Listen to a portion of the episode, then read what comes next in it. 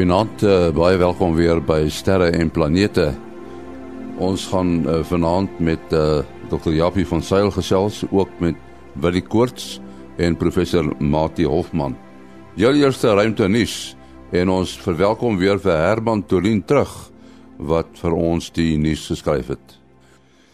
Hoe gemaak om deur 'n dik ruimte ys te reis? In 2011 is aangekondig dat wetenskaplikes die grootste en oudste watermassa in die heelal ontdek het. Dit is 140 triljoen keer meer water as wat in die aarde se atmosfeer aangetref word en is 12 miljard ligjaar van die aarde af. Dit word in die omgewing van 'n quasar se gravitasiegolf aangetref. Sedertdien is ontdek dat verskeie hemelliggame in ons sterrestelsel ook meer water as die aarde bevat. Trouwens in vergelyking met ander hemelliggame wat water het, is die aarde taamlik droog. Dit blyk dat die maan Europa so wat twee keer meer water as die aarde het. Selfs die kleine Pluto het moontlike oseaan onder die yskap wat soveel water as die aarde het. Trouwens daar is soveel water op hemelliggame in ons sonnestelsel dat wetenskaplikes begin meen Dit gaan meer sin maak om die opdrag om van hierdie planete te besoek so te vertolk dat dit besoeke aan die oseane onder die yskappe behels. Maar daarvoor is duikbote nodig. En hoe neem 'n mens nou so 'n duikboot na water wat soms honderde kilometer onder 'n yskap is? Die firma Stone Aerospace het 'n meganisme ontwikkel wat laser doeltreffend kan omskep in 'n ysbreker met 'n tonnel so wyd soos die tuig self. Die tuig se deursnit word ook daarom ook self aangepas en lewer 'n lang skraal vorm op. In 2017 is daar groot opgewondenheid toe 'n stuk ruimterots van buite ons sonnestelsel die eerste bekende besoeker aan ons geweste geword het. Die rots Oumuamua het die sonnestelsel met 'n hoë spoed binnengedring en toe met 'n hiperboliese baan weer verlaat. Die rots is tydens sy blitsbesoek van alle moontlike kante en op elke moontlike manier bestudeer. Die instrument wat stellig die waardevolste bydrae gelewer het, is die Gaia satelliet van die Europese Ruimteagentskap wat deur wetenskaplikes van die Max Planck Instituut ingespan is om onder meer die herkoms van die rots te bepaal. Die rots self het gebleik meer komeeteienskappe as asteroïdeeienskappe te hê. Vier sterre, elk so wat 'n ligjaar uitmekaar, is as moontlike oorspronklike tuistes geïdentifiseer. Tot sover dan ruimte nuus wat uh, geskryf is deur Herman Torin. Ons het uh, vanaand vir uh, Willie Koorts daar van die SAAO.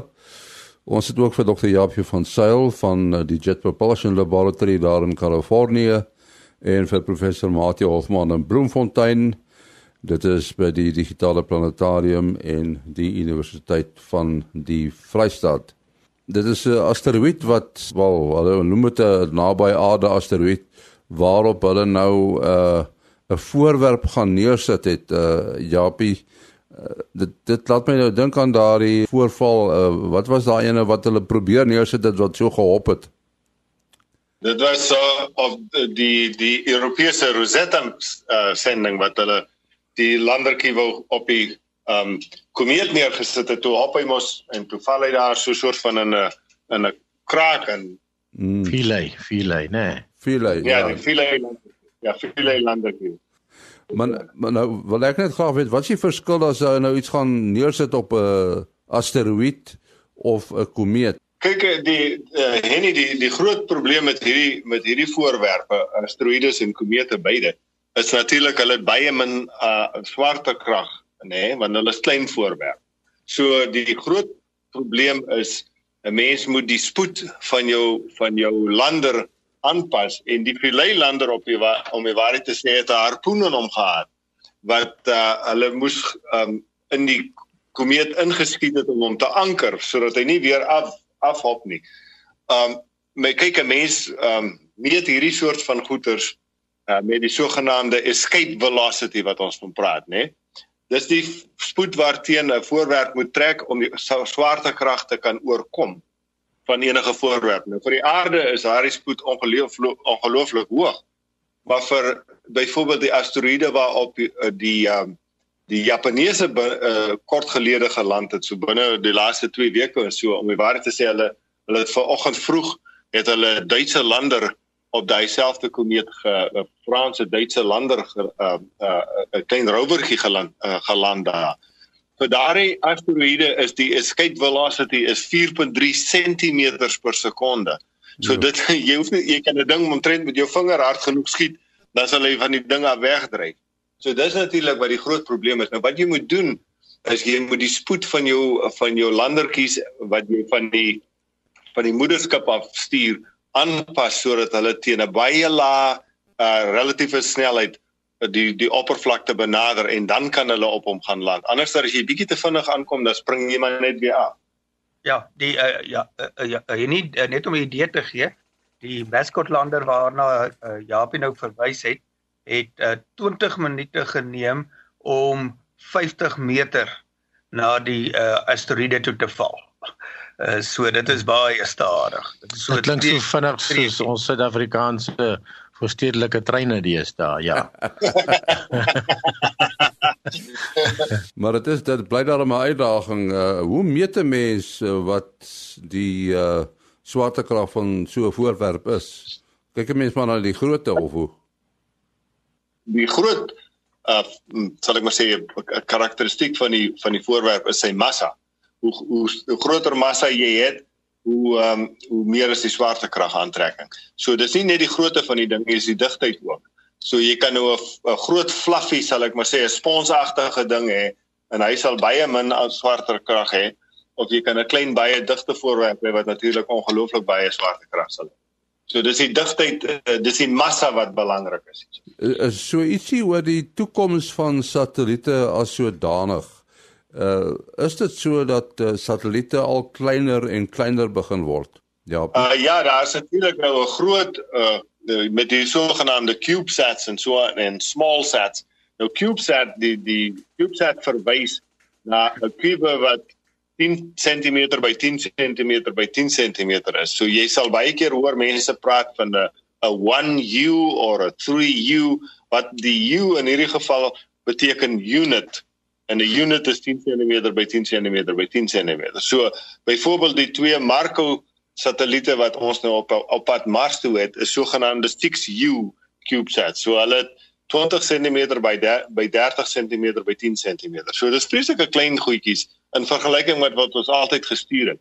Nou die voordeel van hierdie kleintjies natuurlik is eerstens is hulle nie so naaste by so duur soos die grootes wat Amerika en en in Europa en Rusland en selfs Japan en so aangelanseer het voorheen nie.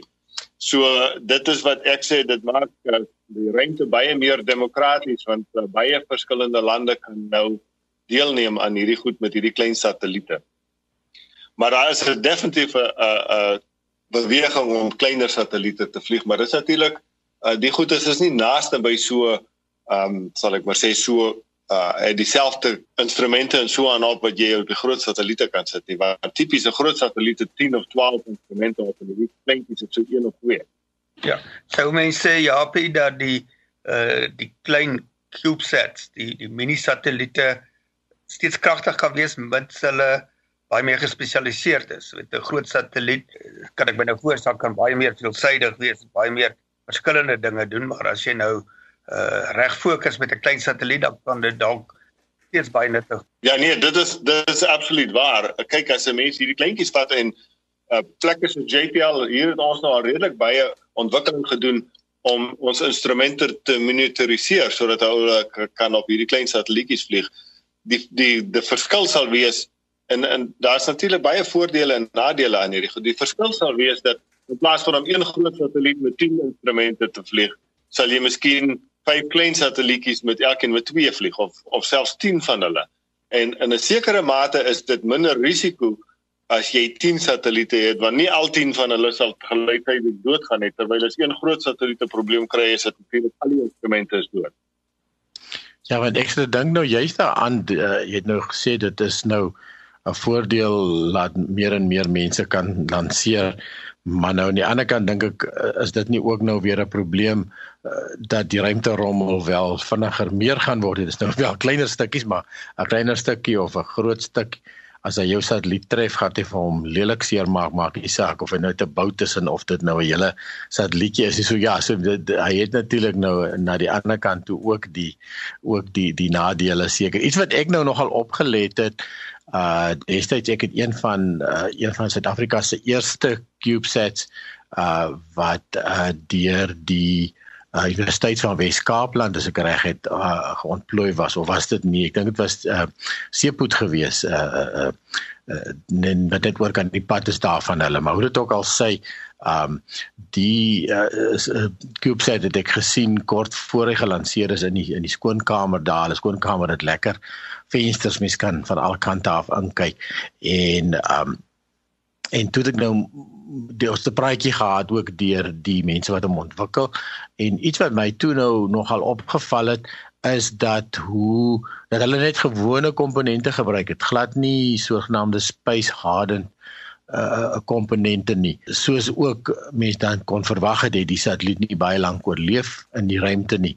En uh dit is natuurlik nou weer 'n uh, uh vir my half weer wat wat aansluit by hierdie ding dat jy nou amper meer en meer ruimte rommel veroorsaak uh as elkeen maklik goue ding in 'n ruim in die ruimte kan kry. Uh da, dan het jy nader aan en die goeders het nie 'n lang lewe nie uh dan raak dit ook oneffektief effektief. Ek neem aan die goed wat julle ontwikkel is is ten volle space hardened ensovoorts. Uh ja, maar daar is maar sekere dele wat wat ook maar ehm um, nie heeltemal die die die uh, hardened komponente in dit nie, né? So -hmm. jy, jy dis 'n baie belangrike punt wat jy maak. Dis ongelukkig toe die manne oorspronklik vir my hier kom vra het ek gesê ek is nie ehm um, geïnteresseerd om hierdie goed te lanseer tensy hulle wetenskaplik 'n uh, belangrike metings kan doen hmm. en vir 'n redelike tyd kan oorleef nie want anders te dra ons net uh, rommel in die, in die rente by. Maar dit het, dit verbeter daarom nou redelik baie hoor want daar's baie verskillende uh, agentskappe.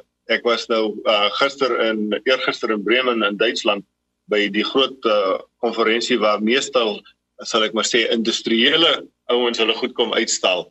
En daar's baie baie maatskappye wat nou klein elektronika borde en so aan maak vir klein satelliete wat uh, heeltemal uh, gekwalifiseer is vir die ruimte so. Hmm. Ek dink dit sal heelwat verander hier in die volgende 5 tot 10 jaar. Maar mense het nog vier pile nodig om hulle daar bo te kry, né? Ja, maar daar's mos 'n uh, nee, oh, uh, hengselspul ouens wat nou deesdae klein vier pile ontwikkel. Dis dis die ander groot voordeel natuurlik van hierdie klein satelliete want dit kos baie minder om hulle te lanseer ook. Dit kos minder vir die satelliet homself en dan jy baie kleiner vuurpyl nodig om hulle in die in die ruimte te kry. So daar's baie maatskappye oor 'n hele klomp verskillende lande wat uh, wat hierdie kleiner vuurpyle nou besig is om te ontwikkel en baie goeie uh, vordering maak daarmee. Die uh, ja, ek uh, uh, sien dat uh, hulle werk nou aan 'n konsep, uh, miskien sit dit ook nie net nie om die uh weet ruimteafval wat ons nou gehoor het gaan toeneem al hierdie klein satelliete met bundels plasma bundels te skiet uh om dan nou hulle baan te verander of hulle hulle spoed te uh, te rem met sodat hulle moet terugval. Met hoe vorder hierdie tegnologie in die algemeen uh weet die die kon sê nou maar die afstand of indirekte metodes of die kontakmetodes wat jy nou moet ehm um, weet fisiese satelliet gryp met 'n robotarm. Is dit uh, is daar hoop uh, dat hulle die probleme gaan kan uiteindelik aanspreek op 'n noemenswaardige skaal? Ja nee ek ek sou daar's 'n redelike hoeveelheid uh, werk om om die ruimte te gaan skoonmaak. Uh, en ek weet daar word redelik baie kommersiële geld gespandeer uh jy weet ouens wat idees het om hierdie goeders te gaan doen Die groot probleem is is wat Willie vroeër gesê het. Daar is sommige ouens wat dink hulle gaan nou die goed uitmekaar uitskiet en dan gaan hulle nou klein stukkies wees en dan gaan hulle uh nie so van, van 'n probleem wees nie, maar dis nie die so so seer die grootte van die voorwerp nie. 'n 'n 'n enkele bout wat in 'n satelliet vasvlieg teen 20 km per sekonde kan vir jou 'n groot probleem veroorsaak.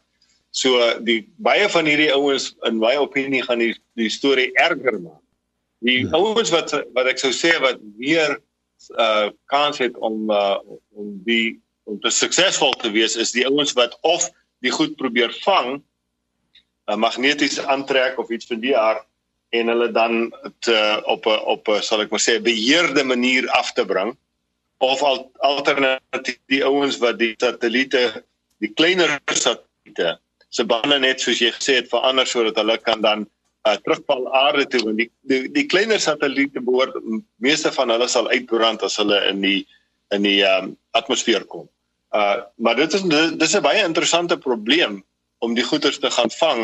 Daar's ander ouens wat probeer om hulle hoër op te stoot sodat hulle nie 'n probleem vir ons raak nie. Maar uh, uh op die ouend moet hierdie goeters maar in elk geval weer terugkom. Maar dis dis 'n groot probleem want jy moet baie versigtig doen want daar's natuurlik baie ander satelliete wat wat se bane wat jy moet kruis. Hulle hulle sal sê die hoogte wat hulle vlieg wat jy sal moet kruis as jy goeters afbring. So dit is dis 'n baie moeilike probleem as wat mense dink is. Is nie sommer net so om te die goede gaan vang en en dan en dan jy al suksesvol. Ja, wat van die planne wat julle ehm, dalk nog steeds het, Japie om byvoorbeeld asteroïdes te gaan vang met 'n met 'n net? Kan 'n mens dit doen met 'n ruimte rommel nie? Ja, dis dis een van die van die goed wat die ouens voorstel is ehm um, om die waarheid te sê hulle hulle uh, jy kan aan dink as 'n baie groot magneet. O, ons ons ons noem dit die die ruimte stofsuier. En basies wat hulle gaan doen is hulle gaan naby die goed kom en dan sal jy hom net aantrek en hy sal boep hier aan jou aan jou ehm um, en so sal ek maar sê jou ruimte lorry kom vassit en dan dan maak jy nou die ding groter en groter en dan bring jy dit op jou ouend beheer af aarde toe sodat hy sê net maar in die stille oseaan val of so. Uh dit dit ek dink dit is heel waarskynlik die mees um, suksesvolle manier om dit te doen op jou ouend. Die gebied wat jy nou oor beheer, jy's nou 'n sonnestelsel eksplorasie. Sluit dit in satelliete wat om die aarde wentel ook? Uh nie eintlik nie. Die die my sal ek sê my my domein begin by die maan. So iets enigiets wat maan toe gaan en so aan is is onder ons beheer. Goed want om die aarde uh wentel is um meestal in ons um earth sciences hierso wat sien hulle wil nou 'n satelliet ontwikkel om om weerstelsels dop te hou. Jy weet uh hierdie ekstreme weerstelsels en uh aardbewings en, en, en dis soort van dinge soos wat nou daar in Indonesië gebeur het. Dis reg ja. Ja, dit die daai soort van goeders is meestal in ons Earth observation uh afdeling hierso. Ja, hulle sal ook seker dan kan sien wat gebeur uh, in die poolgebiede nê nee, met, met met die met die ys. Ja, nee, maar kyk NASA het eh, nou 'n hele paar satelliete wat hulle ehm um, gelanseer het sogenaamde ISAT en so aan wat spesifiek is om uh um, ontwerp is om te kyk na die pole en te sien hoe die ys dunner word en so voort. Wanneer is ruimte rommel, ruimte rommel? Uh is dit nou as jy nie meer werk nie? Ja, dit is dit is tipies wat ons die definisie wat ons gebruik. Dit is 'n satelliet wat gelanseer is en um, aan die einde van sy lewenstyd of of of uh voor sy einde beplande einde iets oorgekom het sodat jy hom nou nie meer verder be kan beheer nie. Dis tipies wat ons hulle dan rommel noem. As jy hom nog kan beheer, kan jy die ding rondskuif en seker maak dat hy nie in die pad van ander goederes kom nie, maar tipies beskou ons goed rommel as hulle nie meer beheer kan word nie en uh op die manier dalk 'n gevaar kan raak vir ander satelliete. Dit dit sluit natuurlik nou ook goed in soos die die die die klaar gebrande uh, vierpyl stadiums, die die nose cones, uh, al daai klomp goed wat afgeskiet word wat nie genoeg gou genoeg terugval wat in in 'n wentelbaan bly. Is dit die aard van die saak seker natuurlik ook ruimte rommel, nê? Nee. Dis reg, ja. Kyk, uh, baie keer as mense die dis 'n interessante ding, baie keer as mense opkyk in die in die aand en jy sien uh, wat ons dink is 'n satelliet beweeg. Baie van hulle die veral dies wat tipies helderder en donkerder raak, helderder en donkerder. Hmm. Dit is nie eintlik satelliete daai nie, dit is uh, oorblyfsels van vuurpyle en die soort van goeters en hulle raak helderder en donkerder omdat hulle tuimel terwyl hulle so in die ruimte uh dryf. Soos jy sê, daar's baie sulke goeters wat uh, wat en en die goeters is natuurlik deel wat groter as meeste satelliete. So Hulle hmm. hulle is eintlik 'n baie groot gevaar.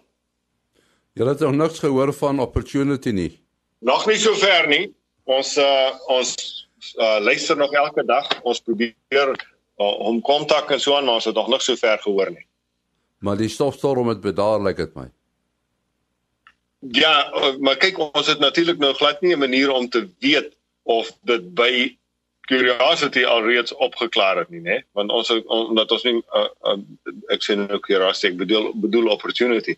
Kyk, die daar's twee dinge wat 'n uh, probleem vir ons kan veroorsaak. Of die die die stof is nog dig genoeg dat die son nie op die panele kom nie in die in die in laat sê ek maar sê die, die stof in die atmosfeer of alternatief die die son mag uitwees maar daar is nou soveel stof op die panele op die oomblik dat hulle dat die son die die panele nie um, bereik nie. En dan moet ons nou maar hoop dat daar een of ander tyd genoeg wind sal waai sodat dit die stof van die panele af sal kan waai sodat ons kan genoeg son kry. Nou daardie as die uh wind nou sterk genoeg waai om die stof af te waai, gaan dit nie maar net weer 'n nuwe stofstorm uh, veroorsaak nie. Uh nee, kyk dit is 'n interessante storie. Um kyk omdat op Mars het ons natuurlik nou nie vogtigheid in die lug nie, né? So stof klou nie soos ons dit ken op die aarde nie. En met die gevolg is dat ehm um, as jy 'n uh, 'n um, 'n warrelwindjie kry wat verbykom, hy hoef nie vreeslik sterk te wees nie. Maar as daar 'n warrelwindjie verbykom, dan waai die stof af en hy sê hy sit natuurlik weer bietjie stof neer, maar hy uh, hy maak meer skoon as wat hy neersit. So dit is eintlik vir ons tot 'n baie groot voordeel. Ja, ek het nou juist gedink want want uh, soos jy laas ook genoem het die warrelwinde is die is die ouppies wat julle so lekker verras het oor waar die panele so mooi skoon hou. So uh, die die warrelwinde lyk my werk beter as as net 'n gewone wind uh, wat die effek wat Martin eintlik nou genoem het kry. Ja. Ja, dis dis presies. Dan kyk die warrelwind waai net 'n kort tydjie met 'n redelike intensiteit. So dan waai die die die stof op die panele af, maar die die stof wat hy in die lug opdra trek soort van saam met die warrelwind.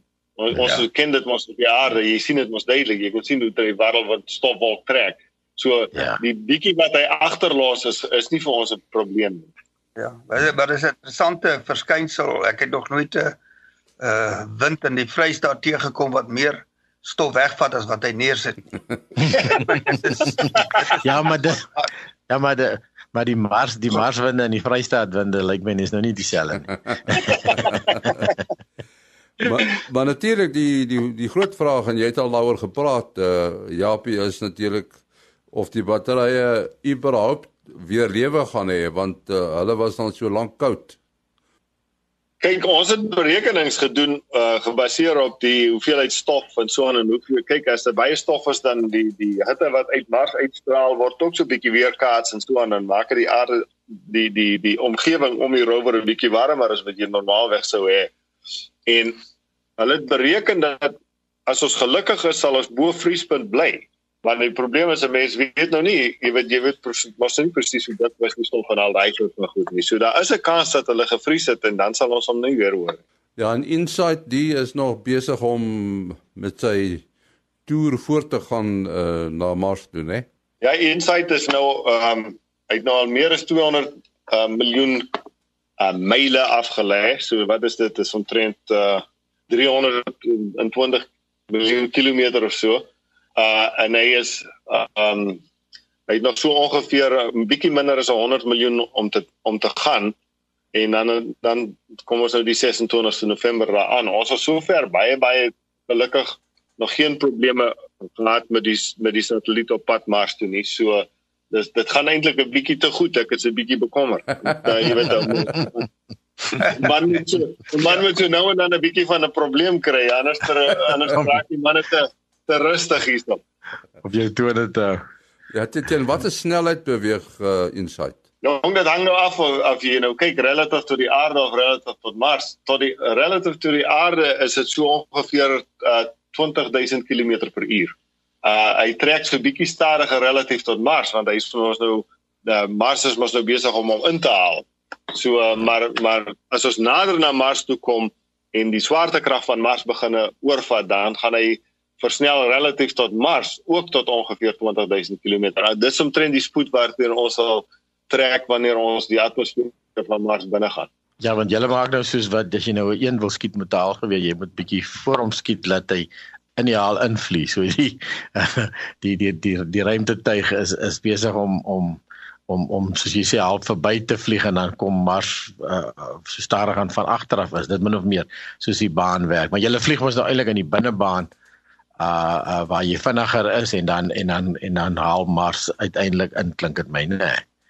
Dis reg so Mars haal ons nou stadig maar seker in uh en uh, ons ons het hom moes hom beplan het sodat hy uh jy weet presies die regte tyd is waar Mars sal wees op die 26ste November. So dit waar vir ons nou mik. Ons het lanklaas oor Curiosity gepraat. Uh, is daar interessante dinge waarmee hy besig is? Ja, maar op die oomblik ek, ek weet nie julle het seker gelees in die ehm um, in die in die nuus. Uh, Curiosity het ook 'n probleem op die oomblik. Ehm um, en ehm uh, dit dit het te doen met met sy uh die rekenaar geheue. Ons kan op die oomblik nie die die geheue lees nie. So ons kan op die oomblik net data uh, wat ons opneem uh, uh sal ek maar sê lewendig terugstuur aarde toe. Iets het verkeerd gegaan binne in die in die rekenaar daar. Nou gelukkig het ons twee verskillende rekenaars, so die die plan is om oor te skakel na die sogenaamde A kant toe want ons het al 'n uh ons noem die dae op Mars Sol op Sol 200. So dis nie te lank nadat hy gelanseer is nie, het ons oorgeskakel na die B kant toe want hy het 'n probleem gehad aan die A kant. Maar uh ons reken alles in die A-kant sal ja, op die oomblik beter wees so hulle gaan oorskakel hier binne die volgende paar dae uh, om te kyk of ons dan nou weer die die uh, by die geheue kan uitkom en dan kan ons weer die, die data jy weet opneem soos wat ons te werk doen deur die dag en dan later terug. Maak julle ook gebruik van harde skywe of is dit 'n uh, sogenaamde SSD is vaste toestand? Ja, dis alles vaste toestand geheue wat ons op, op hierdie goeder het en daar iets het verkeerd gegaan in die ding die, die manier waarop dit werk is die volgende sê nou maar ons het wat ons noem banke van geheue. En daar is iets so 60 van hulle. En uh, as as ons nou besig is om 'n een bank terug te stuur uit die geheue sê nou maar ons stuur bank nommer 10 terug. En iets gaan nou verkeerd en ons ons um, uh het nou 'n probleem om 10 te lees dan sê die rekenaar vir vir vir die um, gelees nou bank 42 of wat ook al.